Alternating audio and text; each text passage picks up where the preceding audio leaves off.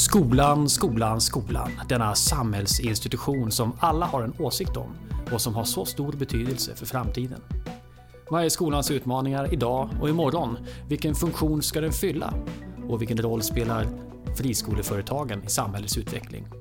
I dagens Framtidsstudion möter vi Marcus Strömberg, VD för Academedia, i ett samtal om skolan, framtiden och att vara ledare för en samhällsinstitution. Varmt välkomna till Framtidsstudion. Jag heter Fredrik Thorberg. Det har blivit dags att snacka lärande och utbildning här i Framtidsstudion och därför har vi en fin gäst. Det är Marcus Strömberg från Academedia. Varmt välkommen till Framtidsstudion. Ja, tack så mycket, jättekul att vara här. Mm. Du, eh, Academedia, berätta lite grann. Vilka är ni och vad gör ni? Academedia är faktiskt Europas största utbildningsföretag. Även om vi bara jobbar i tre länder. Men vi är ett skolföretag. Vi driver skolor och utbildning i Norge, Sverige och i Tyskland. Vi jobbar med förskolor, grundskolor, gymnasieskolor och vuxenutbildning. Och vår idé det är att vi är mångfald i samverkan. Så vi har många olika utbildningskoncept inom familjen Academedia. Och kanske så känner man igen Pysslingen, någon i Stockholm kanske känner igen Rytmus, man kanske känner igen Procivitas, Vittra. Vi har 28 olika utbildningsvarumärken inom Academedia. Och nu har vi faktiskt blivit ganska stora. Vi är 17 000 anställda och mm. varje dag så möter vi 180 000 barn, elever och deltagare. Mm. Superkul att du är här för det är ju så att vi har börjat ha lite mer externa gäster. Och eh, vi diskuterar ständigt viktiga frågor om eh, samhällets liksom utveckling och mm. omställning. För vi är ju i någon slags eh, omställningsfas. Det är många av samhällets institutioner som förändras, mm. inte minst skolvärlden. Det vet ju alla som har mm. följt debatten de senaste 15 åren har varit väldigt intensivt. Eh, vi kommer eh, ta del av dina tankar om skolan och skolans utmaningar och så vidare. Men vi kommer också prata om att leda en stor organisation. Eh, och bara som en liten inledning på det. Hur kom det sig att du sitter som VD på Academedia? Ja, men det, livet är ju lite konstigt ibland och mm -hmm. den mhm. för en in det, det som kanske man egentligen, egentligen vill men kanske som inte har varit så uttalat i mitt fall. Jag är civilingenjör och suttit och programmerat, hållit med fysik och matte men livet förde mig till människor mm. och till utbildning och det har jag aldrig ångrat. Nej. Och sen kom jag till Academedia 2005. Det var ett företag med 200 anställda.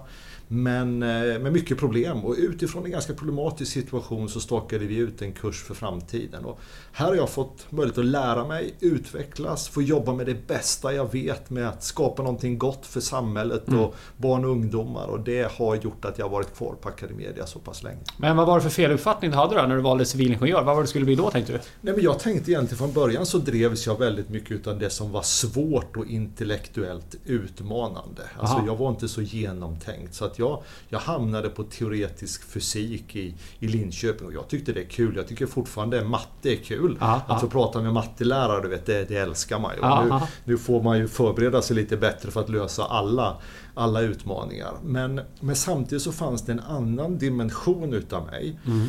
Jag har alltid haft ett starkt ideellt engagemang, jobbat väldigt mycket med ungdomar, fått mm. liksom ja, det har varit en viktig del utav mig. Och sen så var olika vägar så kom jag in och började vara som chef och ledare på ett annat företag än Academedia. Mm. Och då så kände jag att ja, det här funkar ju faktiskt. Jag, jag har ganska goda förmågor som ledare och det har liksom burit mig till, till där jag är idag. Vad var det för ideella engagemang, säger jag som tycker det här området är superintressant med ideella engagemang? Nej, men jag, jag har en, en historia, varit aktiv inom kyrkan ja. och liksom jobbat mycket med läger, varit väldigt aktiv i olika typer av ja, ungdomsaktiviteter helt enkelt. Ja. Och, och det som är så härligt när man jobbar i en ideell organisation det är att då måste man verkligen jobba med motiv, mm med engagemang, förklara varför. Jag menar, du, när du är liksom VD, då kan man säga nu gör vi så här. Va? Ja. Alltså, det funkar ja. inte på ett Nej. läger på det sättet. Va? Utan då måste man jobba med andra saker. Och, och, ibland så tänker jag att livet har på olika sätt förberett mig. Mm för där jag är, är idag helt mm. enkelt. Och jag är väldigt tacksam för, för den delen av mitt liv. Ja, vad roligt. Ja, jag hade inte kunnat beskriva det bättre själv. Den här träningen som du säger, det praktiska ledarskapet där det inte finns några pengar, ingen formell hierarki på det sättet att luta sig mot. Och så. Det är någonting annat. Mm. Mm. Du, eh, skolan, lärandet. Eh, när du jobbar med att leda Academedia och funderar på vart ni ska och hur ni ska utveckla er verksamhet. Vilken roll spelar omvärldsanalys och framtidsspaning för er? För dig? Nej, men jag tror att det, det är väldigt viktigt. Alltså, jag, jag är inte en sån drömmare som okay. är väldigt, väldigt långt bort. Utan jag försöker att tänka lite grann på medel eller lång sikt. Och hur lång tid är det? Nej. Nej, men jag brukar tänka liksom 5-7 år framåt. Ja. Sen är jag väldigt samhällsintresserad. Mm. Och, och, jag har en tankemodell för mig själv som jag brukar kalla för nu, strax och sen. Det låter ju lite primitivt i och för sig. Va? Men, men det, det började redan på, på studentrum där jag sorterade in saker i nu, strax och sen. Och, och en del människor lägger alltid sen. Man ja, vill att ha en balans i det. Och jag tror som ledare så måste du kunna leva sen. Du ja. måste kunna titta 5-7 år, du måste kunna förstå, tänka vad händer. Men sen är det det halvtaktiska, det som är strax, alltså mm. tre år framåt. Det, det, är av extremt stor betydelse. Men många ledare har ju också svårt att hantera nut. Mm.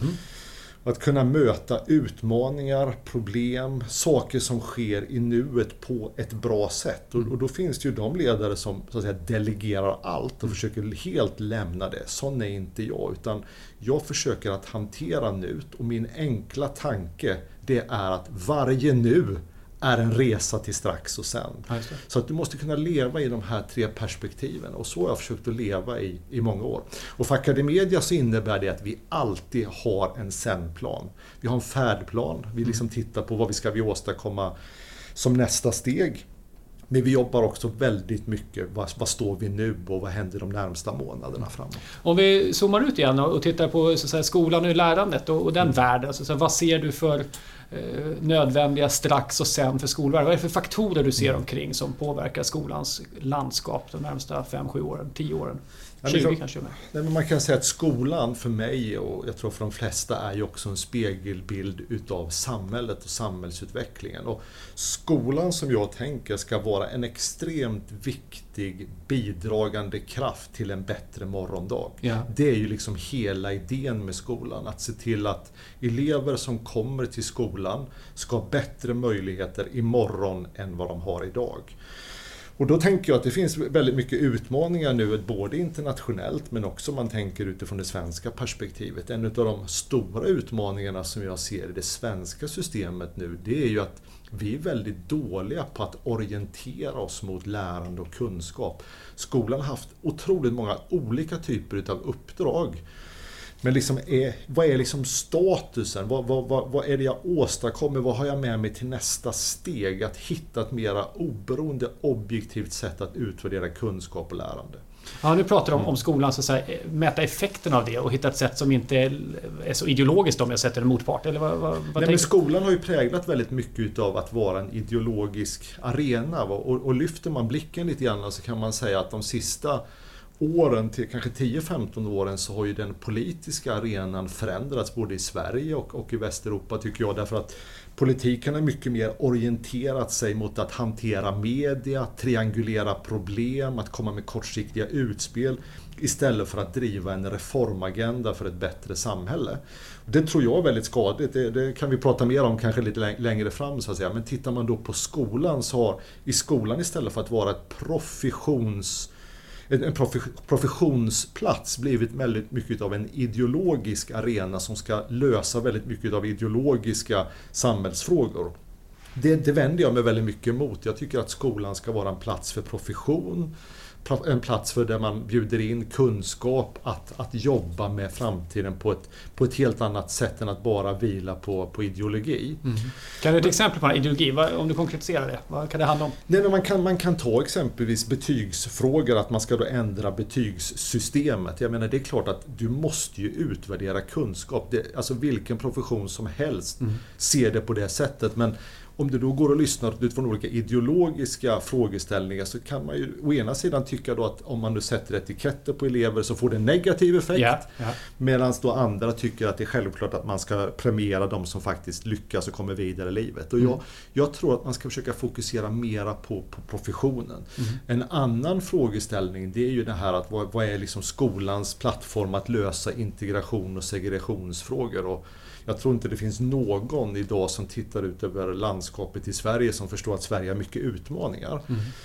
Och självklart har skolan en viktig roll att vara en mötesplats för alla typer utav bakgrunder som man har som, som elev och deltagare. Men det kan inte vara skolan som ska lösa alla samhällets problem och frågeställningar. Sedan är ju vi, vi har ju valt att organisera oss som ett aktiebolag därför att vi tror att det är en väldigt bra form att vara ett samhällsnyttigt företag. Och det förs mycket den här, den här så kallade vinstdebatten utan att gå in i den men mm. den blir ju väldigt ideologiserad istället för att se på vad kan faktiskt samhällsnyttiga företag bidra med? Varför är de bra? Hur ska de användas? Vad är fördelarna med det? Så blir det en väldigt ideologisk debatt och det, det tycker jag är tråkigt. Mm. Ja, som du säger, vi ska inte in på den här för vi ska titta mer på, på en bredare bilden och framtiden. Men om du skulle säga någonting till... Eh, om du hade suttit nu för, vad är det, 25 30 år sedan och funderat på hur ska vi avreglera så säga, skolmarknaden? Ska vi mm. släppa in fria aktörer? Mm. mm. Hade du gjort någonting annorlunda jämfört med vad de gjorde då? De beslut som togs?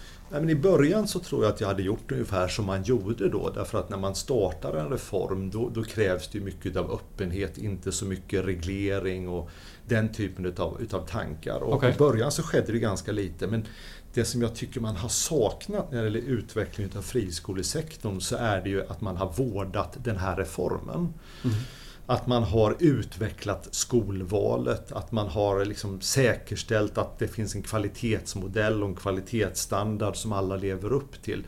Och det tycker jag är en sorg och då tycker jag att man har ägnat sig kanske mer åt politisk och ideologisk pajkastning än att, att reformera och utveckla den här reformen.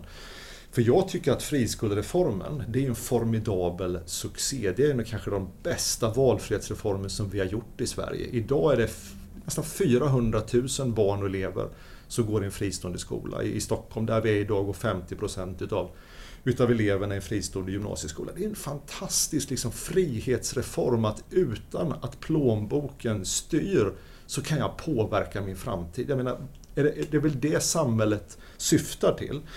Men när man gör den här typen av reformer då måste man också vårda, ansa, utveckla och det kan jag ibland sakna. Mm. Man släppte det för fritt och sen lät det vara och sen har man istället gått tillbaka till grundfrågan. Ska man ens ha det? Ja men precis. Och, mm. och istället för att vårda. Och tittar jag på Academedia mm. så har vi vårdat och utvecklat Academedia. Det är därför vi har gått ifrån 200 anställda till 17, 17 000 anställda. Vi har liksom tittat på problem, vi har inte gjort revolution, men vi har anpassat oss och utvecklat oss till nästa steg. Det tror jag har varit vår framgångsfaktor.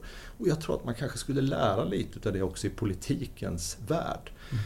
Och tittar man nu på de, de utmaningar, vi har ju stora utmaningar på skolsidan. Och det är klart att friskolorna, man kan se dem som det största problemet som någonsin har uppstått på jorden. Eller också så ser man det att det är en del utav lösningen och en naturlig del utav skolsystemet. Mm. Jag hoppas ju självklart på det senaste.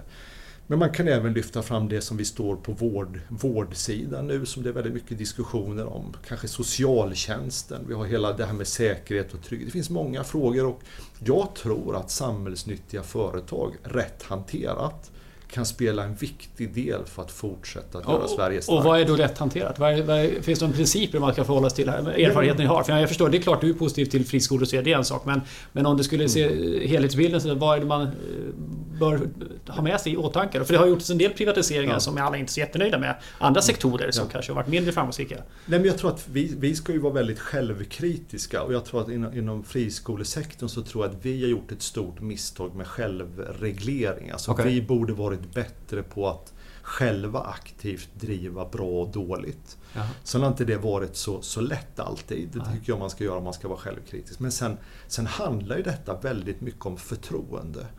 Att, att, när man jobbar med skattepengar, när man jobbar i en samhällssektor så har man ett förtroende mm. att förvalta. Och det tycker jag inte alltid att vi som privata aktörer har hanterat på ett tillräckligt bra sätt. Men jag måste också säga att jag tycker att politiken har för mycket använt den här frågan som en ideologisk linje istället för att välkomna oss som en hjälp att lösa många viktiga samhällsproblem. Mm. Och pågår det nu samtal inom friskolesektorn så att säga om att eh, få mer intern eh, kvalitetssäkring?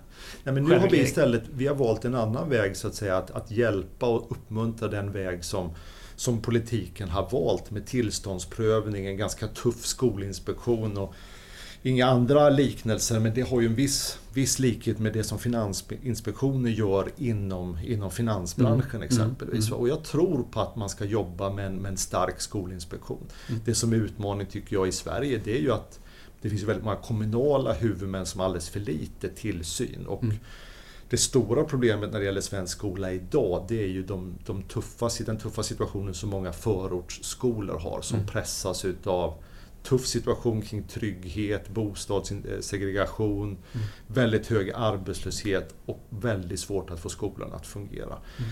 Och det är klart att på min topplista så står det ju Tänk om vi kunde välkomnas in och jobba med den typen utav utmaningar. Alltså det, det är topp på, på mm. vår prioritet. Att få in eh, fristående aktörer som skulle kunna... Ja, men vi skulle kunna tänka oss, jag säger inte att vi lyckas med allt, men vi skulle kunna tänka oss vara med och jobba med många av de här skolorna. Kanske mm. tillsammans med andra.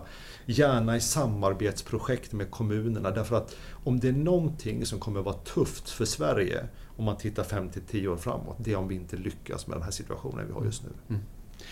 Då har du ringat in en av utmaningarna för skolvärlden och lärandet så att säga. Om du skulle välja två, tre till, vilka är de största utmaningarna för bra lärande och utbildande av våra unga och framtida medborgare? Jag tror att det är väldigt lätt att man, man hamnar liksom i olika diken när man pratar om lärande. Jag menar, en diskussion som är nu, det handlar ju om att ja, men lär sig egentligen barnen läsa, skriva och räkna? Har vi tillräckligt kunskapsfokus? Är, är det tillräckligt starkt? Det, är liksom, det finns en trend som drivs väldigt stort idag därför att den svenska skolan har haft svårt att leverera just på den frågan. Men så finns det ju då andra kanten som säger att ja, men vi ska ju också lära barn att bli bra samhällsmedborgare. Ja. Och det har kanske Sverige varit duktiga på. Och det som jag tror är utmaningen för oss framöver, det är att hitta balansen mellan att ha bra baskunskaper men också jobba med framtidskompetenser. För det är klart att även de som bara förespråkar baskunskaper måste ju förstå att ungdomar imorgon måste ha andra skills än bara baskunskaper. Mm. Och att det här faktiskt hänger ihop. Så det skulle jag gärna vilja lyfta som en stor, stor utmaning, att inte hamna i det ena eller andra diket. Utan både kunna jobba med baskunskaper, men också kunna ha en skola som tar in framtidskompetens. Men om jag förstår det rätt så är det som att vi har gått ifrån ett, för kanske tio år sedan, och för detta fokus mer på medborgarsidan och de samhälleliga sociala aspekterna, till mer kunskap. Jan Björklunds eran så att säga fram. Och nu skulle du vilja hitta den här syntesen då? Nej, men jag tror att det är väldigt viktigt att hitta liksom den balansen. Och jag tror att alla som tar ett steg tillbaka tillbaka och tänker vad är en vettig sätt att förhålla sig? Mm. Det är just det synsättet. Mm. Sen det är klart att grunden här måste ju vara bra baskunskaper. Och här tror jag vi betalar ett väldigt stort pris för att vi har ändrat kursplaner, vi har ändrat betygssystem, vi har haft en ganska undermålig lärarutbildning. Och då har vi missat kring det här liksom fundamentala. Och då väcker det väldigt mycket känslor. Men jag är väldigt rädd också för att man tar bort hela perspektivet på framtidskompetens. Och vi, har, vi har en verksamhet hos oss som heter Vittra. Mm. Och de, de har som tema så här att man ska både lära sig kunskap och personlig utveckling. Mm. Och blir man elev på Vittra, då får man också del utav framtidskompetenser. Vittra-krafter som de kallar okay. det. Och en Vittra-kraft det är exempelvis kunna jobba ihop med andra. Ja. Kunna hålla en presentation. Att kunna göra saker som är viktiga i framtidens samhälle. Och jag, vet, jag bara älskar den liksom, tanken. Men är skillnaden, jobbar de, lägger de mer tid på det eller pratar de bara tydligt om något som skolan ofta eller alltid gjort? Nej men jag tycker de har klätt det i faktisk handling. Ja, okay. Det vill säga att man jobbar på ett sätt som uppmuntrar att ta till sig vittra förmågorna mm. eller vittra krafterna. Och det är bara ett sätt att klä dem ord. Men jag tror att utifrån hela svenska skolans situation mm. så tror jag att den balansen är väldigt viktig. Mm. Sen är ju, man ska också vilja lyfta det här att det är klart att skolan har ju varit ett område som har påverkats väldigt lite utav den digitalisering, globalisering som har skett liksom i hela det övriga samhället. Går du in i en skola idag, även i våra, ska jag erkänna, så ser de väldigt likadana ut som de gjorde för väldigt många år sedan. Och det finns liksom en tröghet i det här systemet. Alltså det är klassrum, det är schema, det är lärare, det är liksom ungefär samma struktur. Och jag tänker också att här behöver vi också tänka utifrån ett effektivitetsperspektiv. Skolor används väldigt dåligt mm. rent lokalmässigt. Mm. Alltså det finns mycket kring framtidens skola, hur kommer den att se ut? Och det byggs ju väldigt mycket skolor och kommer byggas väldigt mycket skolor framöver. Mm. Eh, tankar där och du är inne på att man ska kunna använda till fler saker. Jag har lekt med ja. tanken, kan man inte bygga skolor där föreningslivet är där på kvällarna ja. och, och vuxenutbildning naturligtvis och så vidare. Vad, vad ser du för framtid för skolmiljön, lärandemiljön? Ja, men fortfarande är det faktiskt väldigt traditionellt. Ja. Och det, det kan oroa mig faktiskt kan man säga. Vi behöver nu skapa 350 000 platser och jag menar det om vi flyttar oss in i äldreboendet är situationen precis samma sak där och kommunerna sitter med Svarte Petter och hur ska de reda upp den här rent ekonomiskt. Men jag tror att man vågar tänka lite nytt. Va? Och jag tror framför allt tror jag detta handlar om gymnasieskolan. Och vi har ju börjat etablera någonting som vi kallar för gymnasiecampus. Mm. Där vi har flera olika skolkoncept inom samma geografiska yta. Och liksom, tänk att våga ta den tanken ett steg till. Göra det tillsammans med kommunen, göra det tillsammans med bildningsförbund som mm. använder detta på, på kvällen. Mm. Att kunna använda ett skolkök. Vi satsar väldigt mycket på vår skolmat, våra restauranger, vi har massa kockar. Jag menar, köket används ju väldigt lite. Ja, går, det, går det inte att tänka nytt här? Mm. Men då krävs det också att man tar den här tillsammans-tanken. Och hittills så tror jag lite grann pådrivet av de här ideologiska låsningarna så har det liksom blivit mycket vi, vi och dem. Okay. Istället för att använda resurser på det optimalaste sättet. Men det måste jag fråga då, för jag tänker att du pratar här med skola som på något sätt är mer integrerad i det omgivande samhället mm. och, och, fler aktörer med använder lokaler. Ja. Man kan tänka sig restauranger, mm. servera mat till vem som helst och så vidare. Eh, men jag tänker så här, skolan eh, i min värld har också haft en kultur att vara lite isolerande själv. Mm. Man håller sig lite undan och ska vara riktigt elak, det här får du gärna säga emot. Då tänker jag så här, mm. en del av de som blir lärare, de blir lärare för att de stannar kvar i samma värld som de varit i hela barndomen. Mm. Och det är rätt skönt och tryggt. Och det är inte nödvändigtvis som open-minded alla gånger eller så nyfiket på resten av samhället. Nu generaliserar jag något, men det finns liksom en drag av att skolan är någonting eget. Lite särskilt. Eh, vad, vad tänker du om den bilden? Nej, men jag tror att det ligger en visst mått av sanning. Jag, jag möter ju ett väldigt vilja till utveckling bland mm. lärare. Så kanske det, det, är den typen av lärare som söker sig till oss. Men om man ska se något positivt med den här lärarkrisen så tänker jag att alltså, oavsett vad man gör med lärarutbildningen så kommer det bara finnas ett svar på den. Och det är att öppna upp för andra professioner i skolan. Just det. Och, och liksom att ge personer, som typ jag själv som har 80 poäng med matematik, en pedagogisk utbildning så att jag skulle kunna kanske undervisa i matte och fysik. Man kunde vara reservare ungefär, tänker jag. Motsvarande det. Precis, precis. Så, ja. så, att jag tror att det som, det som ändå händer kring den här så att säga, lärarkrisen kommer att driva fram en förbättring. Mm. Och um, så jag, jag, där är jag ganska positiv faktiskt. Mm. Men det finns mycket, det har gått väldigt långsamt i skolans värld tror jag. Och, och, jag menar, låt oss, låt oss se istället som att skolan ska gå lite i spjutspetsen. Det är ju mm. här faktiskt vi ska, ska forma framtiden. Men då blir, då blir det jätteviktigt det du är inne på som jag tycker personen har diskuterats egentligen eh, för lite i diskussionen om skolan. Det är ju mm. lärarutbildningarnas roll. Vi gjorde en skolstudie för några år sedan, 2016 och 2017. Vi tittade på neuroforskning till exempel, hur mycket man fick lära sig om hur hjärnan funkar på på lärosätena. Jag var inne på åtminstone tre universitet och kollade, okej, okay, deras lärarutbildningar. Här är deras eh, hemsidor. Jag söker efter ordet neuro jag söker efter ordet hjärnan. Mm. Inga träffar. Det var ju fem sex år sedan, eller fem år sedan ungefär. Men det sa någonting om var man befann sig någonstans och synen på det. Eh, vilken roll, vad, vad behöver vi göra med lärarutbildningar tycker du för att de ska bli mer moderna och ge rätt typ av personal till utbildningsvärlden? Ja, men det, det, finns ju alltid risk att jag hamnar i samma fack som jag kritiserar andra för att jag ja. drar alla över en kam. Ja, men, men... men, jag är faktiskt väldigt kritisk till lärarutbildningens utformning. Jag tror att man har gjort den, man, man, har smetat ut den för mycket på olika institutioner. Det är för lite krav, det är för lite låg nivå på det. Ja. Jag tror att man ska göra en kunglig lärarutbildning. Och liksom jag har sagt det i väldigt många debattartiklar och i olika diskussioner jag varit. Och jag gör det därför att jag förstår inte varför vi ska ha Kungliga Tekniska Högskolan, mm. Kungliga Musikhögskolan, mm. Kungliga Danshögskolan. För att varför vi ska ha ett Handels som är en slags kunglig skola för framtida VD om man får säga så. Mm. Men alltså, en stiftelse dock. Ja, men, jo, men stiftelseform, ja. man kan välja olika driftsformer. Ja, det, det, det, har jag inget problem. Man kan, man kan ha på olika sätt. Ja. Men här tror jag att man skulle behöva göra en lärarutbildning som i sig ja. blir riktigt attraktiv och bra. Med höga krav. Mm. Och då tror jag man måste tänka helt och hållet nytt. Nu tog du ju upp det här med hjärnkompetens och det är någonting som tilltalar mig mm. extremt mycket. Men det finns ju väldigt många andra saker. Ledarskap, Absolut. den pedagogiska kompetensen. Mm är ju ganska svagt utvecklad. Mm. Så att det finns väldigt mycket att göra kring lärarutbildningen. Och vi tänker oss tanken själva nu att starta en, någonting som vi kallar för en kompletterande lärarutbildning. Mm. Där man, sådana som jag skulle kunna komma in, få det som behövs för att bli lärare, men där vi också jobbar med professionsdelar. Som skulle kunna vara frågan om hjärnforskning, men också pedagogiska mm. Ja. jag själv levt med tanken just att eh, ha en privat lärarhögskola och se hur den står sig mm. alltså, över tid. Och, ja. så, det skulle nog hända rätt mycket. Nej, men vi skulle gärna vilja driva en sån. Ja. Och, och, jag menar, vi kan driva det i en stiftelseform om det är politiskt viktigt. Det är inte, nej, nej, det, det, viktigt, det är inte en viktig nej. fråga för oss. Utan det viktigaste frågan är ju att det händer någonting. Och det är klart att om jag vore politiker och tänkte, vad ska jag ägna min kraft åt? Ja. Då hade jag ägnat min kraft åt att skapa en separat, riktigt bra lärarutbildning. Ja, för en, en anledning till att vi står här var ju för att vi träffades i Almedalen och en sak som slog mig då var ju på frågan vad behöver vi göra för att Sveriges skola ska bli bättre? Och svaret jag tog med mig själv därifrån, det var ju det, det som för mig är mest naturligt, är att rätt personer blir lärare. Mm. Och det har ju mycket att göra med utbildningskvalitet. Känner man att det är en, en topputbildning, eller om man använder uttrycket elitutbildning, så kommer man attrahera någon helt annan mm. än om man känner att här kommer alla in som söker. Mm. Det blir helt olika kulturer på de ställena. Så att säga.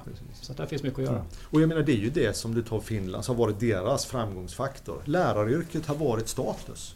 Och det är klart att då blir det ju en helt annan kvalitetsnivå på hela, på hela undervisningen också. Medan Sverige så har det varit precis tvärtom. Och här har lärarutbildningen gjort väldigt mycket skada. Ja. En annan aktör i systemet kring lärarutbildning det är ju föräldrar. Mm.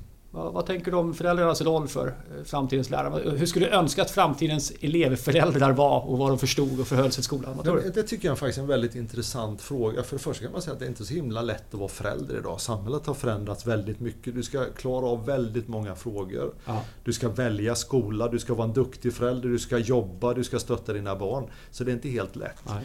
Men jag tänker så här att det vi har gjort i Sverige de sista åren det är att vi har ökat föräldrar och elevmakten väldigt mycket.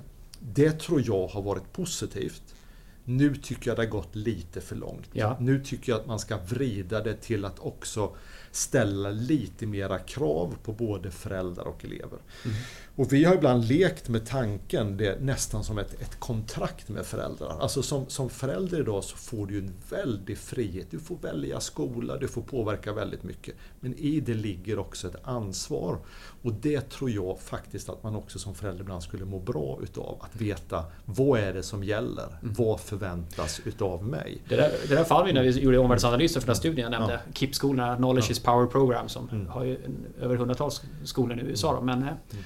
Det var just att de skriver ett formellt kontrakt. Mm. Ditt barn förväntas vara här då och då, du ja. förväntas sig till det och det. Alltså, mm. Väldigt tydligt. Jag tycker det är mm. samma linje som du är inne på. Ja. För det är som du säger, det är inte så lätt att vara förälder. Och, och här var just i, i KIP-skolorna var just syftet också att mm. lyfta de barn som kom från familjer där man inte hade studiebakgrund. Precis. Så det behövs ännu mer stöd kanske. Ja. Så det är så här man måste göra för att skolan ska funka. Och det är något sånt du är inne på förstår jag. Nej, men det är precis det tycker jag man skulle göra. Sen, sen skulle jag, tycker jag vi ska kämpa mot att det ska bli för mycket privata tjänster kring läxläsning och alltihopa detta. Utan jag skulle önska att skolan fick eh, möjlighet att faktiskt driva mattestugor, läxläsningshjälp, Liksom Hur menar du får möjlighet? Vad, vad hindrar nu? Jo men alltså idag är det väldigt mycket ekonomiska problem som finns kring att ha exempelvis läxhjälp. För man får bara ersättning för själva undervisningen. Nu ja. har det funnits vissa statsbidrag och så vidare kring läxhjälp. Och jag tror att det är väldigt bra initiativ. Därför att det är ju ändå så att de elever som har det tuffast de får inte hjälpen hemma. Ja, de behöver få hjälpen på skolan. Och det tycker jag skulle vara ganska så, så naturligt. Och då skulle man också kunna använda skolan på andra tidpunkter än bara när det är vanlig traditionell skola. Just det. Det är kanske dags för Academedia att starta en eh, ideell organisation då? Academedia Hangarounds, folk som har lust att vara med och pynta in i systemet. Nej, men våra lärare gör ju detta väldigt, väldigt mycket idag. Va? Men det är klart att man, man tänker också att, som jag var inne på här, det behövs ju reformer mm. som gör samhället bättre. Och en sån reform det är ju att organisera läxhjälp på ett mera bra sätt och stötta det. Det tycker jag skulle vara en kanonreform faktiskt. Mm. Mm. Du brinner mycket för yrkesutbildning. Behovet av människor som skaffar sig praktiska kunskaper inte minst och samarbete med näringslivet för att få det här att fungera. Eh, vad gör Academedia på det här området? Nej, men om man lyfter lite grann blicken och tittar så är vi har ju haft en vision om att alla ska gå på högskola. Då går 400 000 personer, 400 000 personer ungefär på högskola, lite plus 400 000. Och det är ju kanonbra, men det vi helt har toppat bort i Sverige, det är ju det som finns i Tyskland, som finns i Finland kring yrkesutbildning. Och jag menar, om du tittar ut hur det ser ut idag, hantverkssektorn, byggsektorn, transportsektorn, det finns ett otroligt behov av yrkesutbildad arbetskraft. Och det finns ju ingen som har omfamnat det. Det har tappats bort skulle jag vilja säga inom Arbetsförmedlingens regi. Jag tycker att gymnasieskolan har agerat otroligt klantigt. Högskolan har egentligen aldrig brytt sig om det om jag ska vara helt ärlig. Nu finns det ju då ett väldigt bra initiativ och det är det som heter yrkeshögskola mm. som har börjat i Sverige. Alltså, jag tycker är toppenbra. Mm. Och det, det, växer ju nu och det vänder sig framförallt för eftergymnasiala och äldre som ska retraina eller ta sig in på en yrkesutbildning. Men det vi brinner väldigt mycket för nu, det är ju yrkesutbildningen på gymnasiet. Mm. Och det har vi mycket tankar om. Mm. Ja, för att jag vet vi möttes i ett sammanhang där vi diskuterar de här sakerna, bland annat synen på praktisk utbildning. Hur skulle du beskriva den idag? Människors Nej, syn på att gå Vi pratade ju om föräldrar här alldeles nyss. Ja. Och jag menar, man ska också tänka så här att föräldrar är väldigt viktiga för sina barn. När det gäller grundskola och förskola så är det ju självklart att det är föräldrarna som är med och påverkar valet.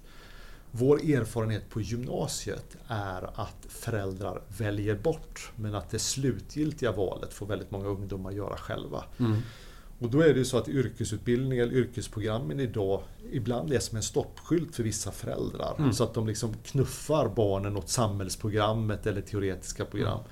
När man egentligen kanske skulle lyckas mycket bättre som snickare eller målare eller någonting i den stilen. Mm. Och då Men det, tror jag det är viktigt att jobba med de så att säga, hindrande krafterna. Och, och, se till att det inte finns återvändsgränder som jag brukar säga. Att yrkesutbildning ska inte vara en återvändsgränd. Nej. Men där pratar du om från individens perspektiv, mm. att man kanske passar bättre eller har mer läggning för någonting. Ja. Så att. Mm. Eh, vi har ju pratat tidigare här om, om framtidens utbildning och hela tiden kommer vi tillbaka här i framtidsstudion och diskussioner om individ versus kollektiv så att mm. säga. Mm. Nu har vi kunnat utbilda folk under ett par decennier till lite vad man har lust att bli.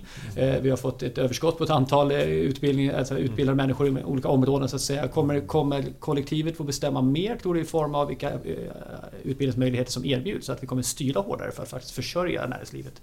Eller kommer individen fortsätta ha, mm. välja fritt om man vill bli, läsa lite arkeologi och lite kulturvetenskap och annat som eh, allt för sällan efterfrågas på arbetsmarknaden?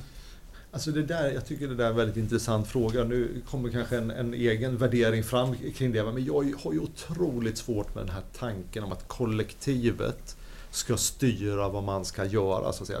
Jag tror att det är en helt dödfödd idé.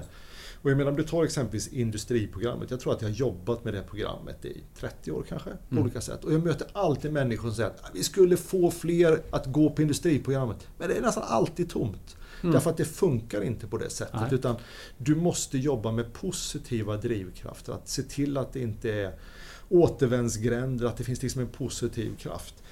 Och en sån sak som jag gärna vill lyfta det var att när jag, en av de en, när vi gick ihop med en, en, gymnasieskola så hade de väldigt mycket frisör och hantverksutbildning. Och det är väldigt många som är otroligt kritiska mot den typen av inriktningar. Att vi utbildar för många frisörer. Mm. Men då fick jag lära mig någonting där att många av de eleverna hamnar ju sen inom äldreomsorgen. Mm. Alltså, de har en passion för att jobba med med skönhet, med att röra människor, mm. att jobba mm. med med det som en frisör gör på olika sätt. så att säga. Mm. Men det är klart att alla behöver ju inte bli frisörer. Utan det kan vara en inkörsport mm. till att få jobba med äldreomsorgen. Mm. Och jag menar som du har nu, vi har ett jättestort behov av undersköterska. Mm. Och vad kanske man då skulle göra så här att det kanske ska finnas en möjlighet om man har gått frisör att ganska enkelt kunna komplettera till undersköterska. Mm. Och jag menar, då är det ju ett, ett, då är det ett sätt att jobba med positiva krafter. Mm. Istället för att man ska säga till människor, du har en dröm, det är fel dröm. Mm. Du ska drömma så här istället. Mm. Alltså jag tror inte det funkar. Nej, men jag tänker du förenklar lite där. För ja. en grej att säga så här, så här många platser har vi på den här utbildningen. Mm. Och så här många, du får välja vilken du vill. Kommer du inte in så sorry, ja. det tar vi inte ens ansvar för. Så här. För det där styr vi redan nu. Utbud och efterfrågan i viss mån. Eller? Jo men, jo, men det är klart att det är också, tycker jag, liksom den här kollektivistiska synen som inte jag ställer upp på riktigt. Va? Därför att, vad händer då istället? med de här som jag träffade som gick frisörprogrammet. Då hade de kanske hamnat på samhällsprogrammet. Ja, men du tänker att alla idag de får den utbildning som de helst vill ha? Nej, men riktigt så är det inte. Det finns ju alltid diken. Men jag menar alternativet till att... Jag tycker man som grundprincip ska uppmuntra människor att försöka leva sin dröm. Mm. Jag tror det har en väldigt positiv utveckling mm. på samhället. Mm. I den mån man har en dröm. Mm. Men alltså att om man då har en dröm om att bli någonting mm. och bli inknuffad på antingen det som nu är det största programmet, nämligen individuella programmet. Mm. Eller som man nu faktiskt då ser på samhällsprogrammet som har vuxit väldigt mycket. Mm. Jag tror det på sikt har förödande konsekvenser för samhället. Mm. Istället för att hålla den här lågan vid liv. Mm. Jag menar, sen säger inte jag att vi ska utbilda hur många frisörer som helst. Jag tycker det, det är klart Någon gräns har du. Ja, men det är klart man ska anpassa det. Men, ja. men det handlar liksom vilken utgångspunkt har man i debatten. Mm. Och för mig så tycker jag utgångspunkten ska vara att liksom få människor att ha drömmar. Mm. Att vilja någonting, att ha en ambition, att vilja utvecklas. Det tror jag bygger någonting väldigt, väldigt starkt. Men om vi zoomar ut, ja det är svårt att säga någonting emot, eh, helt klart. Men om vi zoomar ut lite grann och så tänker mm. du pratar om att vi har haft en pendelrörelse där vi kanske hamnar antingen i diket och att baskunskaper, mm. faktakunskaper, den typen av mm. färdighet så att säga. Versus att social fostran, medborgarroll och så vidare. Mm. Vi pratar mycket här om, om eh, samhällsförändring och förändrade samhällskontraktet. För en stund sedan så hade jag Mats Olsson här, våran Eh, expert på health and healthcare-området som pratar om nära vård. Vi måste kanske ta hand om våra äldre mer själva. Familjen kommer vara mer involverad. Det är en omskrivning av samhällskontraktet. Vad tänker du om skolan där? Alltså hur, har du några tankar om skolans formande av framtidens medborgare? Vad är det vi vill att de ska ha förväntningar på sig själva och varandra? Nej, men vi har ju varit inne lite grann på det. Så att säga. Jag, jag tror att sam, skolan har en otroligt viktig roll eller att forma framtidens medborgare. Mm. Alltså det, det är liksom hela idén med framtidens skola. Och då måste, måste också skolan andas framtid. Okay. Och därför är jag väldigt bekymrad för om man tar bort hela det här liksom samhällsuppdraget, värdegrundsuppdraget, som vi faktiskt är ganska bra på i Sverige. Så det måste man vårda på, på olika sätt helt enkelt. Ja. Men jag tror att garanten för att man ska fortsätta jobba med det, det är att vi måste fixa baskunskaperna. Mm. Och där har vi faktiskt ett antal problem i Sverige. Mm. Och, och, jag tror att det behöver adresseras framför allt i de tidiga åldrarna så behöver de frågorna adresseras. För vi ser ju nu att väldigt många elever redan i tidiga åldrar inte når upp till de kraven som man skulle kunna önska. Nej. Och det tänker jag att det är vi som skol aktörer eller som jobbar inom den här sektorn extremt stort ansvar. Mm. du pratar om en professionalisering av en skola som har varit lite för ideologiskt styrd ibland, mm. för mycket mm. debatt med olika ideologiska mm. idéer. Mm. Eh, vad, in, vad, skulle en professionalisering rent konkret innebära för att lösa det problemet? Vad tänker du där? Alltså det här med att ha de grundläggande kunskaperna så att man kan tillgodogöra sig andra kunskaper längre fram. Nej, men jag tror att man ska som, som politik försöka i den mån det går att ta ett steg tillbaka. Vi, vi har ju en stor förmån som Academedia. Och jag vill inte låta för förmäten med detta, men jag tänker ändå att Academedia som organisation skulle liksom kunna vara en liten förebild. Alltså, vi lever ju i en politisk kontext. Mm. Vi rättar oss efter politiska ramverk. Mm efter hela regelverket som finns, men vi har ingen direkt politisk styrning. Alltså Nej. det är ingen politisk som går in och säger till oss att nu ska ni prioritera det här när Inte det gäller Inte på operativa nivån så att säga. Och jag tror att det är en ganska bra bild därför att många politiker i kommuner mm. kommer för nära det operativa. Ja. Och det tror jag är väldigt, väldigt skadligt. Mm. Det där kan ju få tjäna som en liten brygga över till del två här där vi kanske tittar mer istället på mm. att leda en organisation. Det har du gjort länge då, 15 år om jag förstår mm. rätt, Academedia. Vad tänker du är det viktigaste för att vara en ledare i den här tiden vi befinner oss i? Jag ställer den frågan för att vi pratar mm. mycket om förändring, vi pratar mycket om komplexitet, vi mm. pratar om snabb förändringstakt. Ja. Eh, och att vi på Kairos just nu inleder ett projekt där vi försöker få dialog med ett antal eh, VD och chefer som beskriver vad det är att vara chef och ledare idag. Men vad är dina tankar? Vad, vad, vad ser du är stora utmaningar som ledare idag? Nej, men den, jag tänker att den stora utmaningen, som jag tänker själv, det viktigaste kring ledarskap handlar väldigt mycket om förtroende. Alltså förtroende, det är ditt, det är ditt kapital som du har att verka som ledare. Och förtroende, det är ju någonting man förtjänar. Men förtroende finns i flera dimensioner. Det finns i en intern dimension. Alltså mot den, de medarbetare och den organisation ja. man verkar i. Men det finns också gentemot den som är din ägare eller styrelse. Mm. Men det finns också gentemot omvärlden. Mm. Och det gäller att hela tiden sätta in mer på förtroendekontot än man tar ut. Mm. Och, det, det är liksom en väldigt så att säga, viktig princip för mig att använda förtroendet som en del att, att liksom utveckla och hur, organisationen. Och hur sätter du in det på förtroendekontot? Alltså förtroendekontot sätter man in mycket genom att jobba relationsbaserat. Okay. Alltså, och jag, jag tänker att struktur och kultur bygger ett starkt företag. Förtroende har mycket att göra med kultur. Mm. Och eh, att sätta in på förtroendekontot, det gör man mycket genom att utveckla personliga relationer. Mm. I den mån man kan. Nu har ju vi blivit ett stort företag. Men jag tror att den här liksom personliga touchen, att sträva efter vänlighet, bry sig om varandra, mm. veta vem de andra gör. Det är smittsamt. Mm. Det smittar i en organisation. Hur, hur har det här förändrat dina mm. arbetsuppgifter över tid? Om du börjar med att du var VD för 200 personer och nu är det 15, 17 000. Hur, hur, hur fördelar sig din tid annorlunda? Hur mycket lägger du på relationsskapande rent praktiskt? Har du någon uppfattning om det? Nej men alltså, när jag, när jag kom till Academedia då var vi 200 anställda. Då var det väldigt struligt. Företaget var ju nästan konkursmässigt i början och då var jag ju platschef, rektor, områdeschef, dotterbolags VD, VD. Alltså jag satt på alla positioner. Ja. Och, det, och det är sådär när man måste liksom alla man till pumparna. Eh, men ganska så tidigt bestämde jag mig för att här är det väldigt viktigt att smitta och jobba med cheferna. Och då införde vi det som vi kallar för ledarforum som har varit liksom min följeslagare under hela Academedias resa. Att jobba med ledare i flera led. Mm.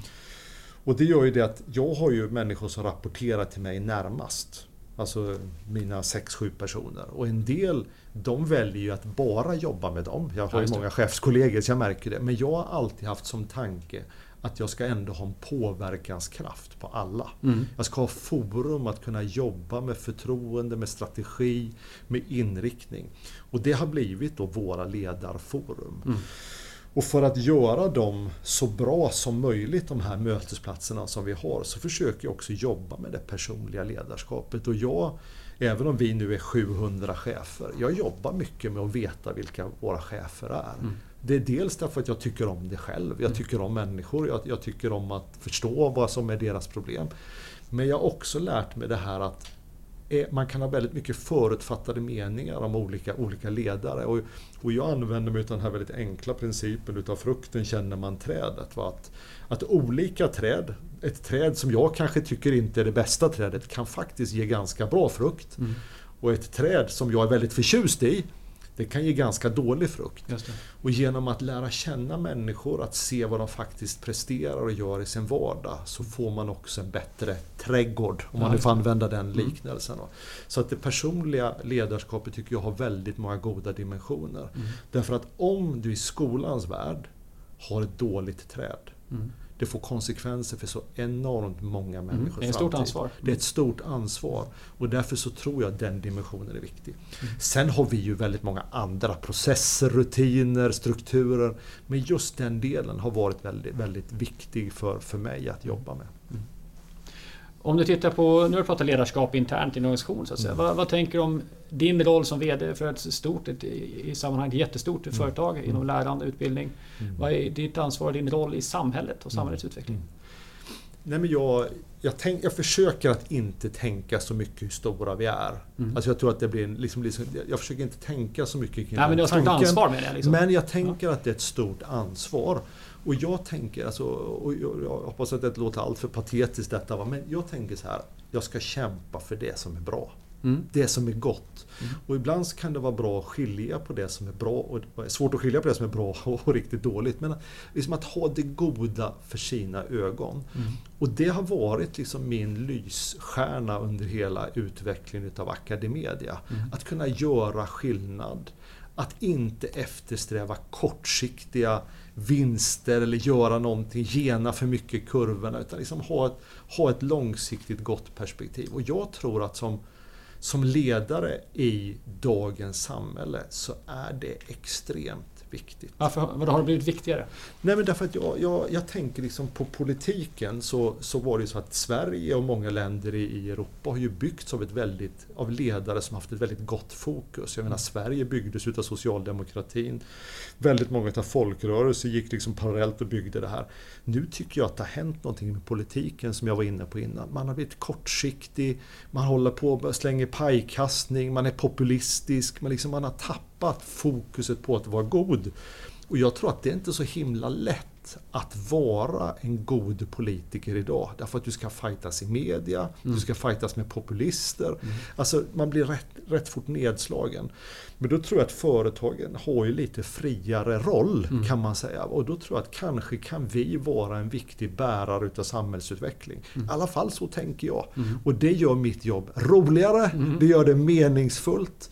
Och man känner liksom att man är faktiskt med och skapar någonting på, på sikt. Men, men, när du säger gott, jag tänker de flesta människor mm. tror ju att de jobbar för det goda. Men menar du att det saknas goda intentioner? Eller? Nej, men jag tror att det, jag, tror att det, det, jag säger, jag vill inte kommentera andra Nej, företag, så att säga, utan jag tänker mer hur jag tänker själv. Ja. Men jag tror att det, det är svårare idag att vara politiker och jobba med långsiktigt positiv ja. samhällsutveckling. Ja. Det är väl, jag tror att det är väldigt svårt därför att man ska hela tiden fightas mot populister. Mm.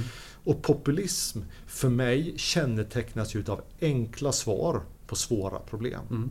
Och, och vet, då är det inte så lätt att liksom formulera en reformagenda som är långsiktigt god Nej. och kunna genomföra det och få ett demokratiskt genomslag för det. Men jag tror som företag så tror jag att man kan faktiskt ha det fokuset. Och, Ni får mer arbetsro egentligen på ett sätt? Ja, men det är det. Jag tror att för att kunna jobba med långsiktigt positiv utveckling mm. så krävs det arbetsro. Mm.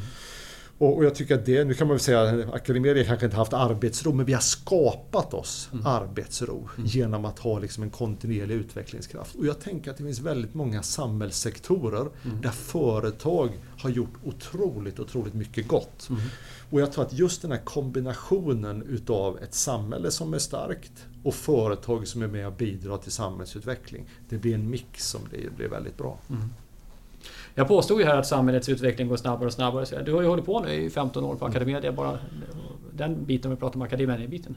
Håller du med om det? Upplever du att det är en stor skillnad jämfört med när du började? Förutom att ni naturligtvis har en annan typ av organisation, det växer och så vidare. Men eh, är det svårare på det sättet att vara ledare? Eller var det egentligen lika svårt förut?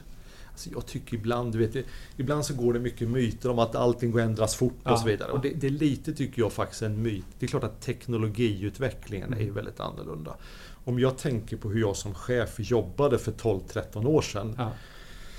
Eh, med post-it-lappar och liksom permar och alltihopa. Alltså mitt jobb som VD har ju totalt förändrats. Mm. Alltså hur jag kan leda ett företag som är så här stort mm. genom att ha min portfölj. Jag vet inte var den står. Jag har liksom hela mitt liv där. Mm. Jag menar innan så hade man ju tjänsterum och liksom ja, 20 permar och liksom allting. Så att det har hänt mycket kring sättet att jobba som jag menar till det stora varit extremt positivt. Mm. Extremt positivt. Men man måste också kunna förhålla sig till det. Du vet, många är ju väldigt störda över det här att vara tillgänglig jämt mm. och kunna mm. vara... För mig har det varit en otrolig hjälp. Okay. Det har varit en otrolig hjälp att kunna vara med min familj och med mina barn utan att alltid behöva vara på kontoret men ändå mm. kunna vara tillgänglig. Mm. Så det tycker jag har varit väldigt positivt men att det har skett en sån enorm förändring i, i sättet att jobba det tycker jag inte jag sett, sett hittills. Det låter ju som att du mm. jobbar liksom, eh, vad säger, mycket inifrån och ut. Mm. Att du är här för att mm. du ser något gott som du vill förverkliga och driva. Eh, vad tänker du är det, är det en extra bra kvalitet att ha i, i tider av komplexitet och, och att man har sin egen starka kompass så att säga. Menar på något sätt. Eh, man kan tänka sig någon som var chef för att ja, jag har fått det här jobbet, spännande, kul utmaning men mm. jag kanske ska vidare sen och så. Mm. Det låter inte som att du är den typen av, mm. av chef just nu i alla fall. Jag andra får liksom döma mig tänker jag. Så att säga. Men jag, jag, tänker själv att det är extremt viktigt vad man än närmar sig för frågeställning. Ja. Ja. Och sen tror jag också att man måste också utveckla sin filosofi kring varför företaget finns, vad ska man åstadkomma, vad vill jag som chef? Alltså det, att vara ledare är också intellektuellt utmanande. Mm. Du vet, det finns alltid chefer som ägnar all sin tid åt att skylla på företrädaren. Ja. Sen organiserar de om. Ja. Och när man organiserar om, det enda man kan vara säker på då är att man har ingen aning om hur det kommer bli. Nej. Och sen ofta så lovar man mm. att det ska bli bra i framtiden. De har ju inte en blekaste aning om det. Nej. Och det kan bli bra, kan också bli katastrof. Aha. Alltså den typen av tankemodell är jag väldigt, väldigt mycket emot. Mm. Alltså jag tänker att man ska ta ansvar, man ska göra varsam förändring. Mm. Man ska vara väldigt nogsam när man gör stora förändringar mm. i, i en organisation. Därför att då kommer man in i det jag kallar the black box. Man har inte en aning. Nej. Och de som säger att de har en aning, de ljuger. Mm. De ljuger. Mm. Och då gäller det att vara, vara med i matchen så att mm. säga. Va? Så att, um, så kontinuerlig utveckling steg för steg. Det skulle jag säga. Långsiktighet. lite långsiktigt perspektiv men ändå kunna leva i dagen. Det, mm. det har varit mitt motto så att mm. säga. Mm. Sen så skulle jag gärna, gärna säga att jag älskar ju också visioner. Alltså mm. jag älskar ju energi, framtidstro, att gjuta mod i människor, att dela liksom framtidsbilder. Det tror jag är väldigt viktigt. Därför att om man har framtidsvision och framtidsbilder, då ger det liksom en riktning mm. av var man ska någonstans. Och det jobbar vi väldigt mycket med, med inom Academedia. Mm. När vi pratar här om, om eh, förändringar och samhället behöver hitta nya vägar på ett antal olika områden. Så, eh, det här med en bild av framtiden är ju en, som du säger, det är en dragningskraft, en förtydligande. Det skapar också trygghet att veta vad, som, vad det kan bli för någonting. Eh, men jag tror ibland, och här får du rätta mig om jag har fel, jag för ett resonemang här bara att synen på hierarki, mm. synen på ledarskap har de senaste decennierna varit sån att det är ju många som ska vara med och bidra till den här bilden och i värsta fall så blir det ingen bild för att man helt enkelt inte vågar eh, sammanfoga någonting med risk att någon inte hör det eller någon inte ser det och så vidare. Jag överdriver lite grann, men det, det kan finnas en motsättning ibland mellan eh, den platta hierarkin eller idén om väldigt stor delaktighet från alla versus att ha en tydlig bild. Håller du med om det? Ligger någonting i det. Vad tänker du? Alltså, kanske inte riktigt, du får hjälpa mig att svara på fel ja. fråga nu här. Men, ja. men alltså jag är ju i grunden en vän av hierarkier. Ja. Alltså, du vet, det finns alltid de som ritar, du vet den ena matrisorganisationen och nätverksorganisationer. Jag ja. bara brukar säga lycka till, va? det låter jättespännande. Okay. Ja, jag anar det så, sätt så, så, så, att jag, jag är ju en vän utav tydlig organisation. Ja. Men samtidigt innebär ju inte det att man som ledare inte kan påverka organisationen framåt med ett informellt arbetssätt. Och, och jag tänker att det där är något väldigt grundläggande mänskligt. Man vill ha trygghet, man vill mm. veta vad det är som gäller. Mm. För har jag inte trygghet, då tar jag inte till mig några framtidstankar. Nej. Så att vi i Academedia har alltid haft en väldigt stark linjeorganisation. Alltså mm. de viktigaste positionerna hos oss, det är ju rektorerna. Vi ger dem ett väldigt stort frihetsutrymme. Och det är därför att vi vet hur viktiga de är här. Vi tänker inte att vi är här för att göra mig lycklig eller göra styrelsen lycklig här. Vi är här för att stötta våra rektorer med att lyckas med deras uppdrag. Och det, det är liksom en väldigt stark kultur hos oss. Och de är ju en tydlig bärare utav våran linjeorganisation om man tänker sig på det sättet. Sen kan man ju vara på olika chefsnivåer. En väldigt utmanande chefsnivå det är ju mellanchefsnivån. Den är den tuffaste. Mm. Och jag har ju haft stora förmånen att få vara på själv på alla. Så jag vet ändå hur himla tufft det är att vara mellanchef. Men de är extremt viktiga. Därför mm. att de ska förhålla sig både till, till strategin, det som händer sig över, samtidigt som de ska stötta en lokal rektor. Mm. Och vi jobbar, vi, vi har en grupp som vi kallar ledare för ledare tycker jag är väldigt fint namn mm. för övrigt. Mm. Ledare för ledare. Att just de som har den här rollen, att stötta dem, att träna dem, att ge dem liksom verktyg och förståelse. För de är liksom kittet också i hela organisationsbygget. Mm. Ja, intressant, för det känns som att pendeln svänger lite här. Jag mm. tror att hierarkier är på väg tillbaka i mm. någon mening. Ja. Eh, det finns röster som talar för det och sen kan man ha olika idéer om det men, men eh, en välfungerande hierarki mm. skapar som säger, en trygghet och stabilitet och att kompetens mm. får mer inflytande. Mycket kompetens ger individen inflytande och det är bra för hela organisationen. Så men det är en balansgång som du säger, det finns ju många sätt att leva i den här hierarkin sen och hur lyhörd man är och respektfull och allt det andra som är viktigt. Jag kommer ihåg när jag fick mitt första chefsuppdrag. Då, då var vi just i det här med att det var platta organisationer. Då hade jag 130 personer som rapporterade till mig. Det var, det var väldigt intressant alltså. Men det, då var det någon, någon över mig som tyckte att det var en väldigt bra idé. Men liksom då fick jag lära mig hur idiotiskt det kan vara med den här typen av te teorier som liksom mm. inte saknar någon verklighetsförankring. Mm. Ja, spännande. Du, eh, som avslutning, om du skulle ge folk som lyssnar och som sitter i chefsposition, om du mm. skulle ge dem en slags tanke eller råd eller fundering som du säger inför framtiden. Det kan vara frågan du kanske bär på eller, mm. eller en rekommendation. Vad, vad, tror du är viktigt i att vara chef och ledare idag? Att ta med sig? Eller vad är värt att fundera på? Nej, men jag tror att det första, eller jag skulle nog säga så att, att förstå att man är viktig som ledare. Alltså att ledarskap för mig, det är extremt viktigt att förstå sin, sin betydelse därför att man har ett väldigt ansvar. Ledarskap det handlar ju om att få en organisation eller en grupp att röra sig åt någon slags gemensamt mål. Och att, att liksom ändå förstå att jag är inte bara här för att ställa in skorna och liksom tillbringa min dag. Jag är här för att göra spår i sanden. Jag är här för att göra skillnad. Jag är här för att leda den här organisationen vidare. Och att ledare som verkligen tar sitt uppdrag som ledare på stort allvar inser hur viktig man är och vara med och forma en bättre framtid. Så tänker jag. Mm. Perfekta avslutningsord. Tack så jättemycket för att du kom till Framtidsstudion Marcus. Tack själv, tack.